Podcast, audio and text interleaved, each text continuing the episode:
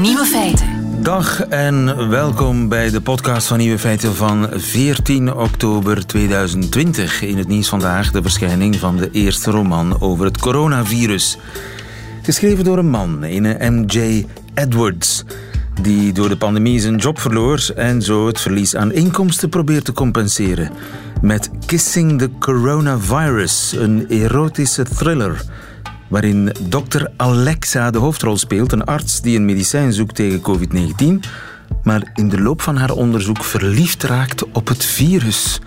Een fragmentje. Ondanks alle verwoesting die het virus wereldwijd veroorzaakt had, voelde Alexa een golf van opwinding iedere keer wanneer ze het coronastaal vastnam. Het voelde als een pulserende, stijve penis gebrand om zijn verwoestende kracht los te laten op iedereen die het durfde aanraken.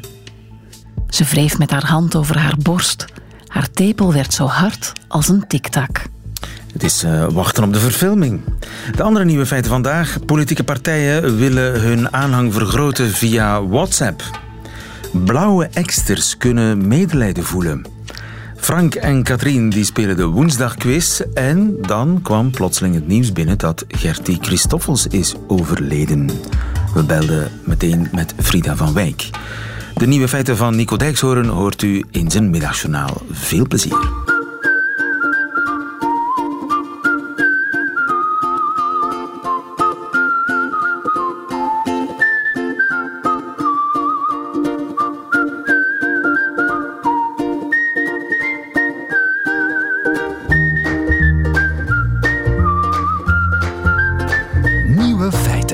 Het is superhandig om uh, in contact te blijven met vrienden, met familie, met collega's, WhatsApp. Maar het kan ook helpen om verkiezingen te winnen. Vraag dat maar aan president Bolsonaro in Brazilië.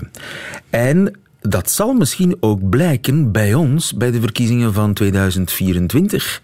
Want het Vlaams Belang is er helemaal klaar voor. Bram van de Putten, goedemiddag. Goedemiddag. Jij bent journalist bij Terzake en volgt de impact van sociale media op de politiek. Het Vlaams Belang gaat zijn sympathisanten voortaan informeren via WhatsApp.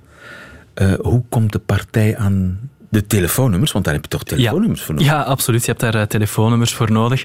Uh, Vlaams Belang verzamelt die in feite door bijvoorbeeld de mensen te vragen om petities te tekenen online en daarbij gegevens achter te laten. En vragen daarbij heel vaak ook een telefoonnummer. Zo simpel kan het soms zijn. Maar we moeten misschien ook even terug naar die betoging van een paar weken geleden. Waarbij, die mars. Die mars op Brussel, waarbij heel veel wagens richting Brussel zijn gereden. Dat was in feite een beetje de, de, het zaadje waar nu deze WhatsApp-chatlijst uh, uit voortkomt. Want toen zijn er veel telefoonnummers geoogst? Ja, toen zijn er heel wat mensen gevraagd om zich in te schrijven op die protestmars. Daar zijn gegevens van gevraagd, gsm-nummers, om bijvoorbeeld dan een bericht te kunnen sturen van we spreken op dat moment af op die plaats om samen naar Brussel te rijden. En die telefoonnummers worden nu ook gebruikt, of kunnen ook gebruikt worden om mensen berichten te sturen via WhatsApp. Ja, maar goed, die mensen hebben vrijwillig hun telefoonnummer afgestaan aan een partij, dus die kunnen moeilijk bezwaar maken dat die partij hen probeert te contacteren. Ja, inderdaad. En informeren over hun plannen, ideeën, visies mm -hmm, via WhatsApp. Ja, kan, is... het ook, kan het ook gebeuren dat mijn telefoonnummer via een omweg bij een partij Dat kan. Dat kan in principe wel. Er zijn natuurlijk in Europa heel strenge privacy-maatregelen, dat is die uh, GDPR-wetgeving.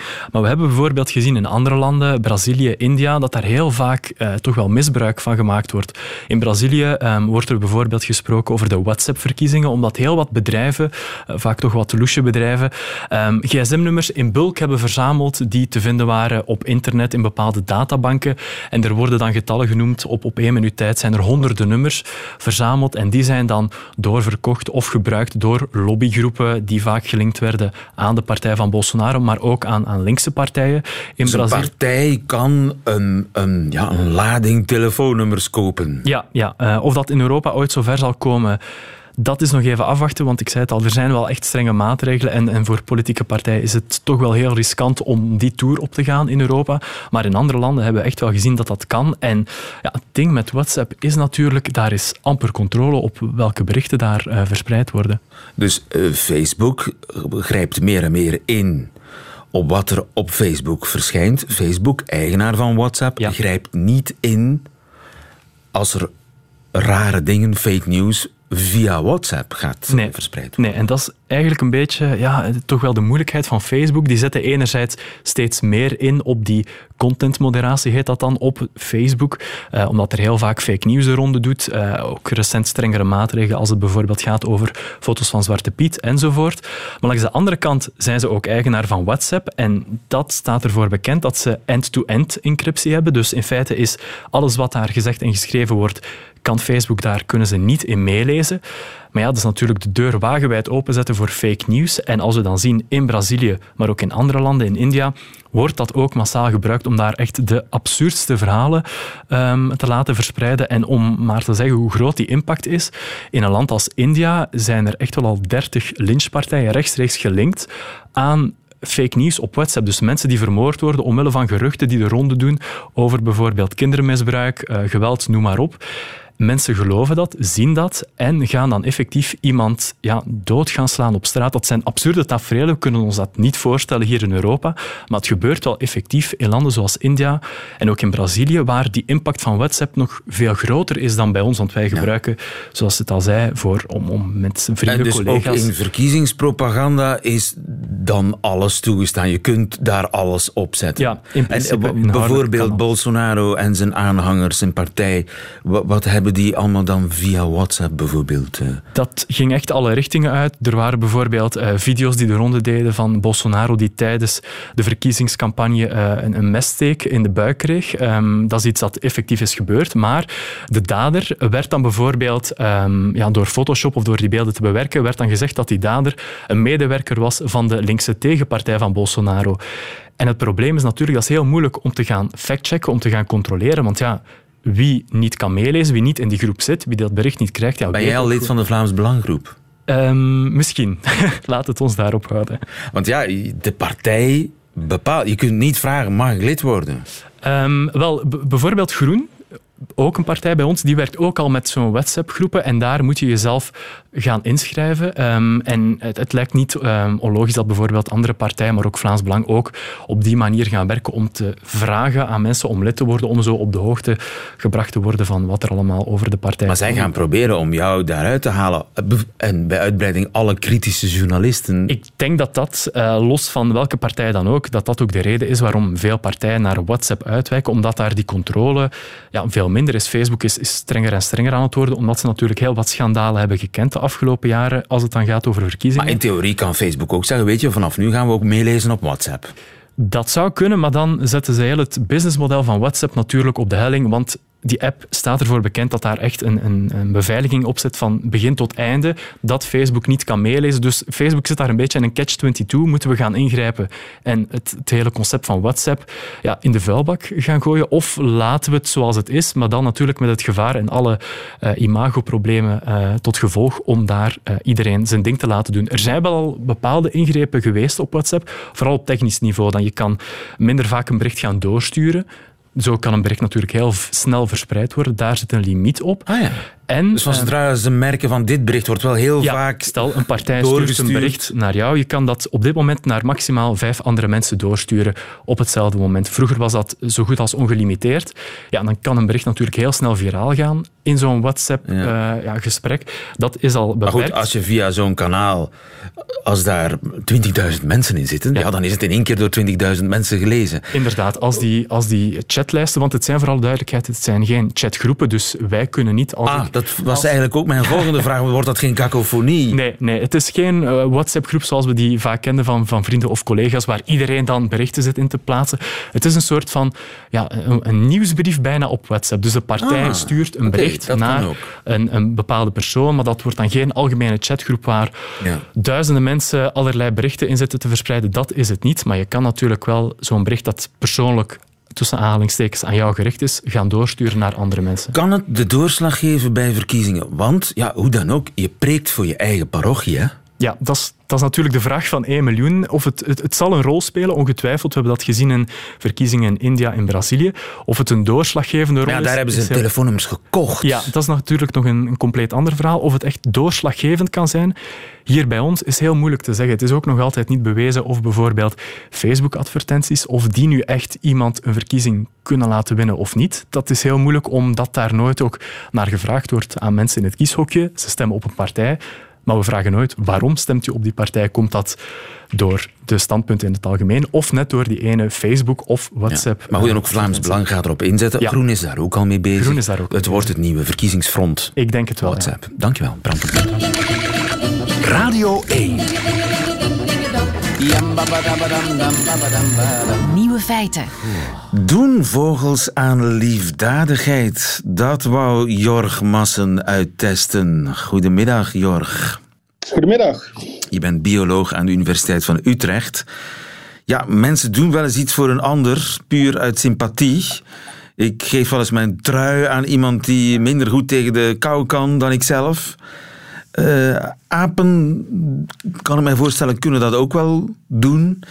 Uit sympathie iets uh, voor een ander doen. Maar vogels, zijn die sociaal genoeg om uh, medelijden te voelen? Dat was eigenlijk jouw vraag, hè? Ja, dat klopt, ja. ja. En ja, je zegt dat apen dat waarschijnlijk wel doen. Dat, daar is nog best wel veel twijfel over. Er zijn ja, een beetje verschillende testresultaten over. Sommigen laten het wel zien, sommigen niet. Dus dat, uh, dat blijkt nog niet, niet zo één op één te zijn. Oké, okay, maar vogels, dat, daar verwacht je het nog minder van. Jij hebt experimenten gedaan met eksters. Waarom eksters? Nou, dit zijn blauwe eksters. Dat is een uh, speciale soort. Of ja, het is, ja, is, maar, is maar net hoe speciaal je dat vindt. Maar ze komen uit, um, uit Azië. En wat, wat zo interessant aan deze soort is, is dat zij uh, aan cooperative breeding doen. Dus zij werken samen met het grootbrengen van kinderen. Waarbij dus niet alleen de vader en de moeder zijn die uh, zorgen voor die kinderen, maar ook andere dieren. Oké, okay, en dat doen en, de eksters bij ons, de normaal, de standaard eksters, de eksters die wij hier zien, overal te velden, die doen dat niet. Nee, die doen dat niet. Daar is het echt gewoon het, het paardje dat voor de kinderen zorgt, dus de vader en de moeder. Maar bij deze blauwe eksters ja, zien we dus dat er ook nog andere dieren meehelpen. En soms zijn dat, uh, het, is dat het, uh, het broedsel van het vorig jaar, dus de, de broers en zussen eigenlijk. Uh, maar soms zijn het ook dieren die niet verwant zijn. Um, en dat is eigenlijk iets wat wij ook bij, bij de mens zien. Wij brengen onze kinderen ook naar de opvang. Um, en, en dat is altijd eigenlijk al zo geweest in onze evolutie. Um, dus daar zit een parallel met de mens. En ja, ja. daarom was ik zo geïnteresseerd of, uh, of zich dat dan ook uh, verder trekt, die parallel. Of we dan ook kunnen kijken of zij inderdaad ook heel vrijgevig zijn. Ja, want je zou verwachten als je samen, als je kunt zorgen voor het kind van een ander, ja, daar heb je toch een beetje empathie voor nodig. Inlevingsvermogen. En je hebt getest of die blauwe eksters dat hebben. Hoe heb je dat aangepakt? Nou, we hebben die um, blauwe Elsters één voor één van de, van de groep um, afgesplitst. En zij zaten dan in een, in een compartiment naast uh, de rest van hun groep. En daar zat alleen gaas tussen. Dus ze konden elkaar gewoon zien en horen, uh, et cetera, et cetera. En dan uh, gaven we dat, dat dier dat dus um, gesepareerd was, dat gaven we een, een, een bak vol met meelwormen, wat, wat blauwe extras ontzettend lekker vinden. En dat, was, dat waren gewoon zoveel meelwormen dat het te veel was voor dat ene individu. En die, de rest van de groep gaven we dan wel ook meelwormen. En ook weer genoeg voor die hele groep. Uh, of niks. En het is niet zo dat die dieren dan honger hadden, want die kregen wel ander eten. Maar ze kregen niet die, die, die, lekkernij. En um, ja, in die situatie waren we dus benieuwd of die andere... Uh, die geïsoleerde ekster die uh, baden in de meelwormen of die zou medelijden voelen met zijn soortgenoten, zijn vriendjes achter het gaas die niks hadden.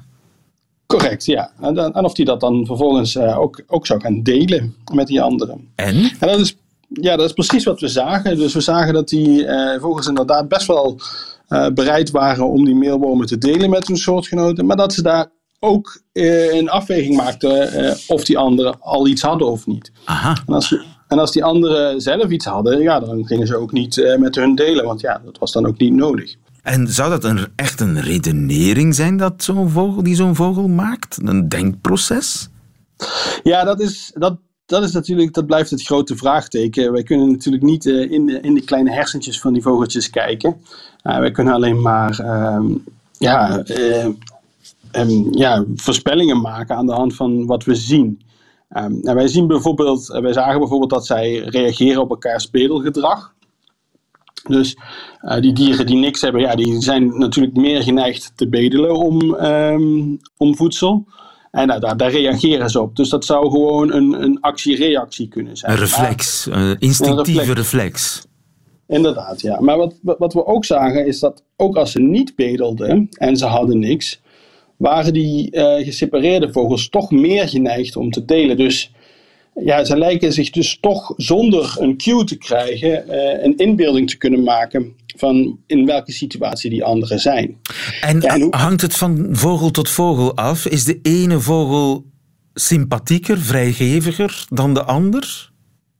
Nou ja, wat wij in onze sample vonden was dat de mannetjes um, in die zin sympathieker waren. In, in die zin dat zij geen onderscheid maakten uh, um, met betrekking tot de situatie waar die anderen in waren. Zij deelden zowel uh, in de situatie waarin die anderen niks hadden, als in de situatie waarin die anderen ook uh, meelwormen hadden. Dus zij maakten dat onderscheid niet, terwijl de vrouwtjes dat wel heel duidelijk Oei. maakten. Dus de mannetjes zijn solidairder dan de vrouwtjes? Ja, in ieder geval bij de blauwe extras. Laat ik het, daar, uh, laat ik het daarop houden. En, en wij vermoeden dat die, dat die mannetjes uh, ja, een soort van uh, adverteren van kijk mij eens vrijgevig zijn. En daarbij dus dan minder um, die situatie in acht nemen. Ja, ja. Het is een heel interessant onderzoeksdomein, maar het lijkt mij heel moeilijk om emoties van dieren te meten en te onderzoeken. Ja, dat is inderdaad uh, heel moeilijk. Het is ook heel controversieel. Er zijn ook wel uh, mensen die roepen, ja, dat bestaat helemaal niet. Um, we kunnen niet aan die vogels vragen van, uh, ja, hoe ervaar je dit? Dat kunnen ze ons niet vertellen. Dus of zij ook weten dat ze blij zijn of weten dat ze verdrietig zijn, bijvoorbeeld, dat, dat is een moeilijk vraag. dat blijft een moeilijk vraagstuk. Blijft... maar ja, we kunnen dus we proberen er zo dicht mogelijk bij te komen. Ik uh, wens je daar heel veel succes mee, dokter uh, Jorg Massen. Dankjewel. Goedemiddag. Dankjewel. Nieuwe feiten. Woensdag quiz. Ja, genoeg gelachen. De medogeloze woensdagquiz. We spelen voor een boekenbon van 25 euro te verzilveren bij de onafhankelijke boekhandelaar, aangesloten bij Confituur. En we spelen met Katrien. Dag Katrien. Goedemiddag. Katrien Grolis, wat was je aan het doen? Toen je besloot, ik, uh, ik zit een beetje... Wel, ik zit in de zetel met een gebroken voet. Oei. dus ik zit uh, vooral leer. Och, arme. Gebroken voet. En hoe lang moet je nog? Um, nog een week, misschien nog iets verlenging. We zullen nog een beetje moeten afwachten. Ja, dan is een boekenbon natuurlijk meer dan welkom. Dag Frank. Absoluut. Hallo, Frank. Frank Pouliard. Met jouw voeten alles in orde? Met mijn voeten alles in orde. Wat was, wat was ik wandel graag. Je wandelt graag. Was je ook aan het wandelen toen je besliste... ik doe mee aan de woensdagquiz van Nieuwe Feiten? Nee, ik zat net uh, te lunchen met mijn vrouw. En ik dacht, toch even proberen. En zo waar lukte het nog ook. Dus, uh, en wat schaft de pot vandaag? Uh, vanmiddag is het gewoon een lunchboterhammetjes met wat. Uh, boterhammetjes met lekkers. Is er iets beters ja. dan een boterham met lekkers? Frank, ik begin nee, bij Katrien, want uh, zij ja. heeft zich eerst gemeld. Jullie krijgen vijf okay. meer keuzevragen. Wie juist antwoord blijft aan de beurt. Bij een fout antwoord mag de tegenkandidaat een poging doen. Wie het laatste juiste antwoord heeft gegeven, die wint. Het zijn simpele regels. We gaan eraan beginnen. Katrien, de Nederlander Robin Koops kan met zijn uitvinding duizenden diabetespatiënten helpen. Wat vond hij uit? A. Een app die via je telefooncamera automatisch registreert wat je eet en dus ook hoeveel suiker je binnenkrijgt. B. Een implantaat dat een teveel aan suiker uit het lichaam van de patiënt wegfiltert. Of C, een kunstmatige alvleesklier die automatisch insuline inspuit wanneer de patiënt dat nodig heeft. Katrien. Um, ongelooflijk, maar dat is uh, C. C. Dat is helemaal goed. Je wist het. Ja, ik heb het gehoord. Bij diabetespatiënten maakt de alvleesklier geen insuline meer aan. Althans, bij type 1 geloof ik is dat. Uh, Robins kunstmatige alvleesklier meet hoeveel insuline je nodig hebt en dient dan de nodige hoeveelheid toe. Ik blijf bij jou, Katrien. Vraag 2. Voor de sheriffverkiezingen in New Hampshire, Amerika, hebben de Republikeinen een aparte kandidaat naar voren geschoven. Wat maakt die kandidaat sheriff zo bijzonder? A. Het is een vrouw die vindt dat vrouwen niet zouden mogen stemmen. B. Het is een satanist met als campagneslogan Fuck the police. Of C. Een ex-gevangene veroordeeld voor dealen en afpersing. Welke kandidaat sheriff hmm. schuiven de Republikeinen naar voren in New Hampshire, Amerika? Een gokje op C. C.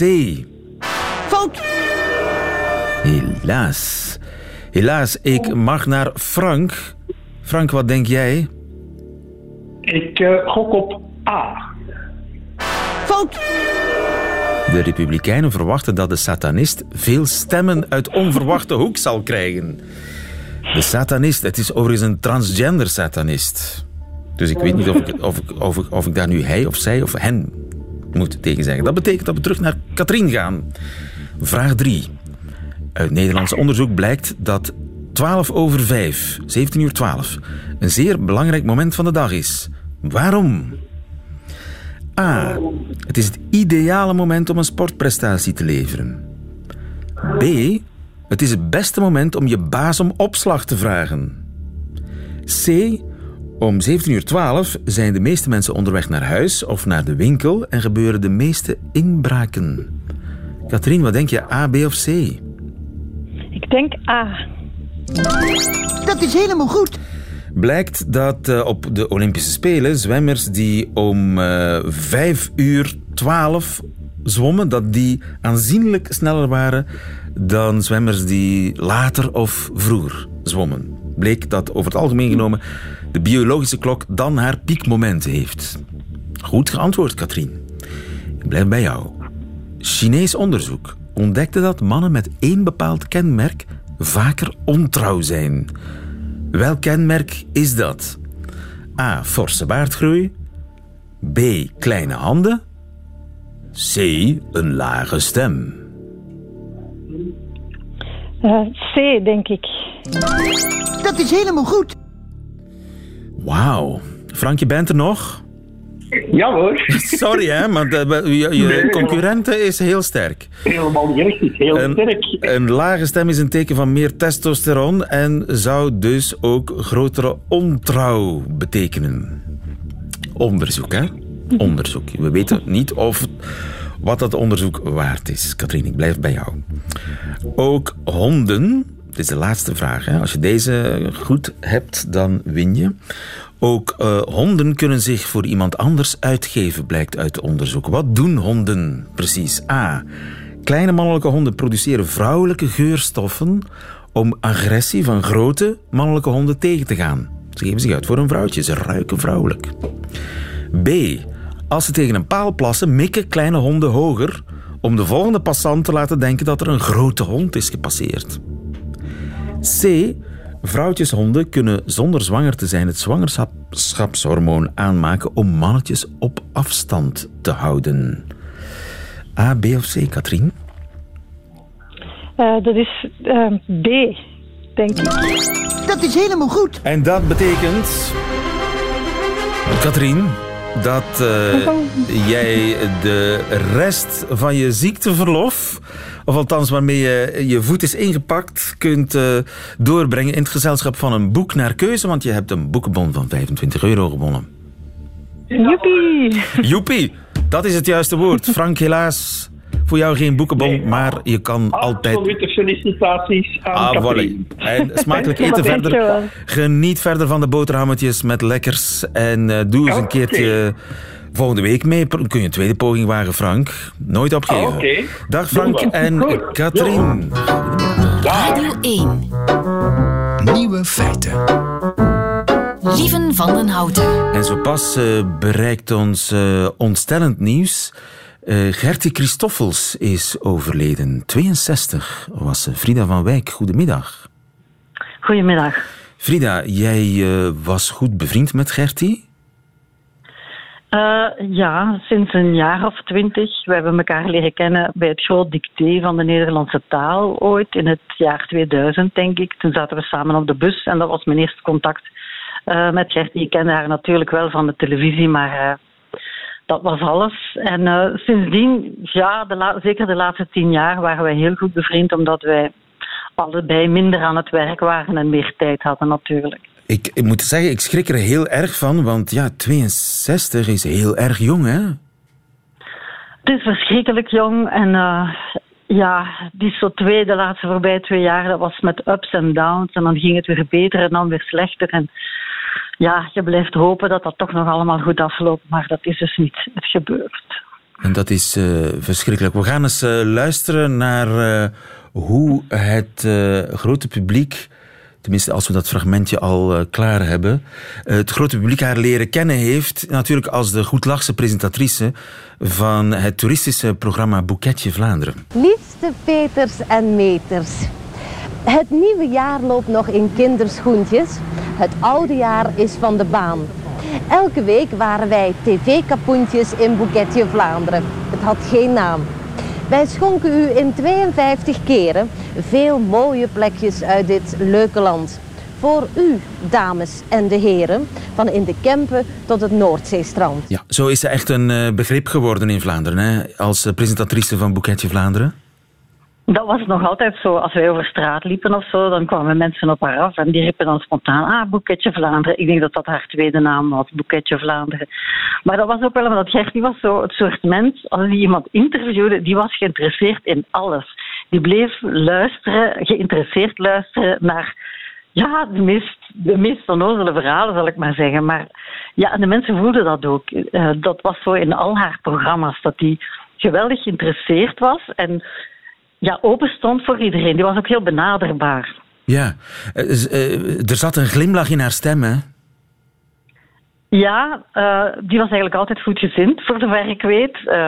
Misschien dat het privé wel minder momenten, maar als wij op straat kwamen of zo, die was, dat was haar ook nooit te veel als mensen haar aanspraken. Ehm, ja, en ze heeft veel van die, dat soort programma's gedaan ook, waarbij dat ze met gewone mensen omging en dat ging haar echt heel goed af. Ja, zij is, want ja, we denken altijd aan Boeketje Vlaanderen, maar ze was natuurlijk ook een zeer gewaardeerd lid van, eh, van panelprogramma's zoals De Drie Wijzen, hè? Ja, daar heeft ze de laatste jaren nog een tijdje mee rondgetoerd ook. eh, met eh, ja, Jacques Vermeijren en, en Kurt van Degem en Walter Grootaars ook, hè? Dat was Ja. zo ja, het vaste ploegje. en daar hebben die, denk ik, alle culturele centra van Vlaanderen meegedaan.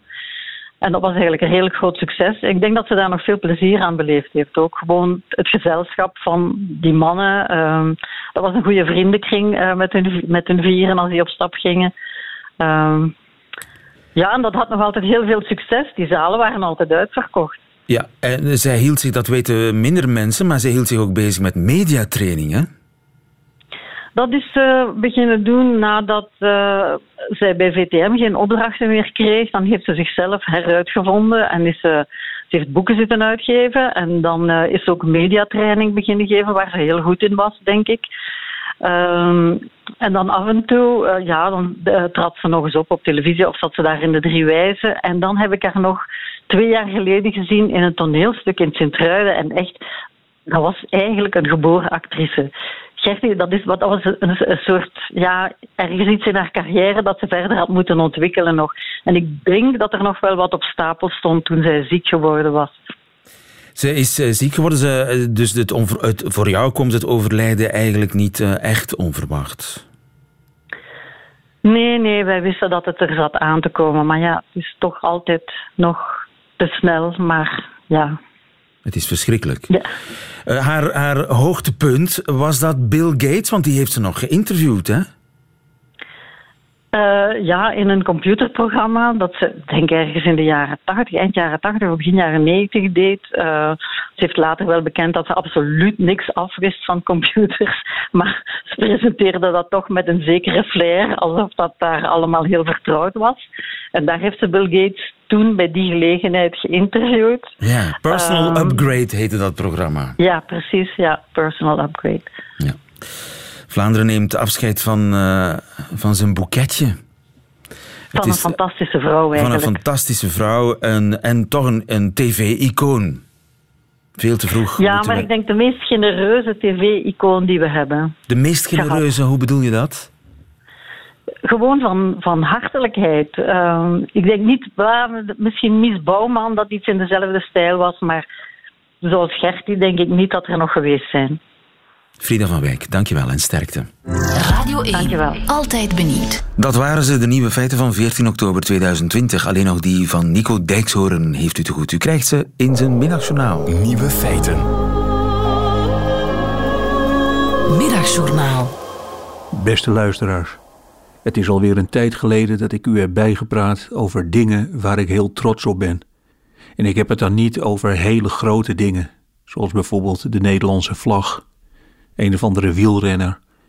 Of over de waterwerken. Dat soort trots, daar heb ik heel weinig mee. Ik heb nog nooit op een dijk gestaan en gedacht: ja, dit kunnen mensenhanden maken. Als je bijna verzuipt, dan ga je vanzelf zand op elkaar stapelen. Dat is verder niet iets om heel trots op te zijn. Nee, luisteraars, het gaat hier om een heel ander soort trots. Het geluksgevoel wanneer ik een vuilniszak dichtknoop bijvoorbeeld. Sinds kort kan ik dat terwijl ik ondertussen uit het raam naar de buurvrouw kijk. Ik hoop dan dat ze terugkijkt en s'avonds tegen haar man zegt: Ik zag Nico vanochtend een vuilniszak dichtmaken. Zo handig, met een dubbele knoop. Met die vuilniszakken is het zelfs zo erg dat ik hoop dat de vuilnismannen erover praten wanneer ze mijn zak tussen het andere vuil zien liggen. Ze zeggen: Kijk eens, mannen, zo knoop je een vuilniszak dicht. Vakwerk is dit. Precies de goede knoop. Deze man weet wat hij doet. En die man, dat ben ik dan. Waar ik ook erg trots op ben, is een nieuwe thermometer. Die heb ik sinds een week en ik heb hem op dit moment al aan 37 mensen gedemonstreerd. Ook aan wildvreemden die toevallig langs mijn huis lopen. Het is een thermometer die je op je voorhoofd moet houden. Dus niet in je oor of in je anus. Wat die laatste methode betreft, in mijn hoofd zit het als volgt: niemand doet dat nog, omdat bijna iedereen zich schaamt voor zijn eigen anus. Dat is niet echt een lichaamsdeel waar je mee te koop loopt.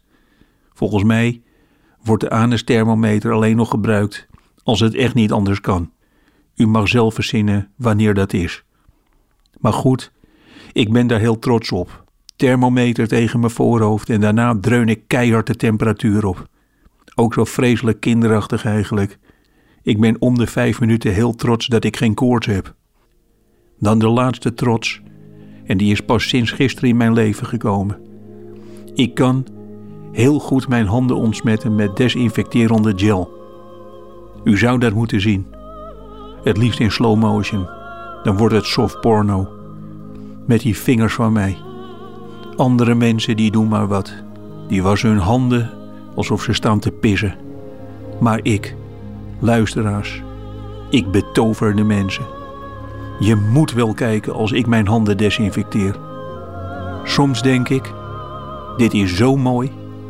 Als ik nu mijn handen van elkaar haal, dan ligt er een bibberend eendagskuikentje in mijn handpalm.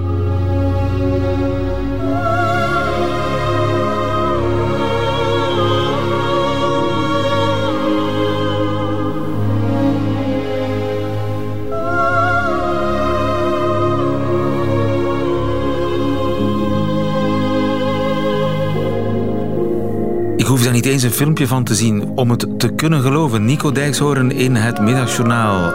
Einde van deze podcast hoort u liever de volledige uitzending van Nieuwe Feiten. Dat kan natuurlijk ook via onze app of via de Radio 1 site.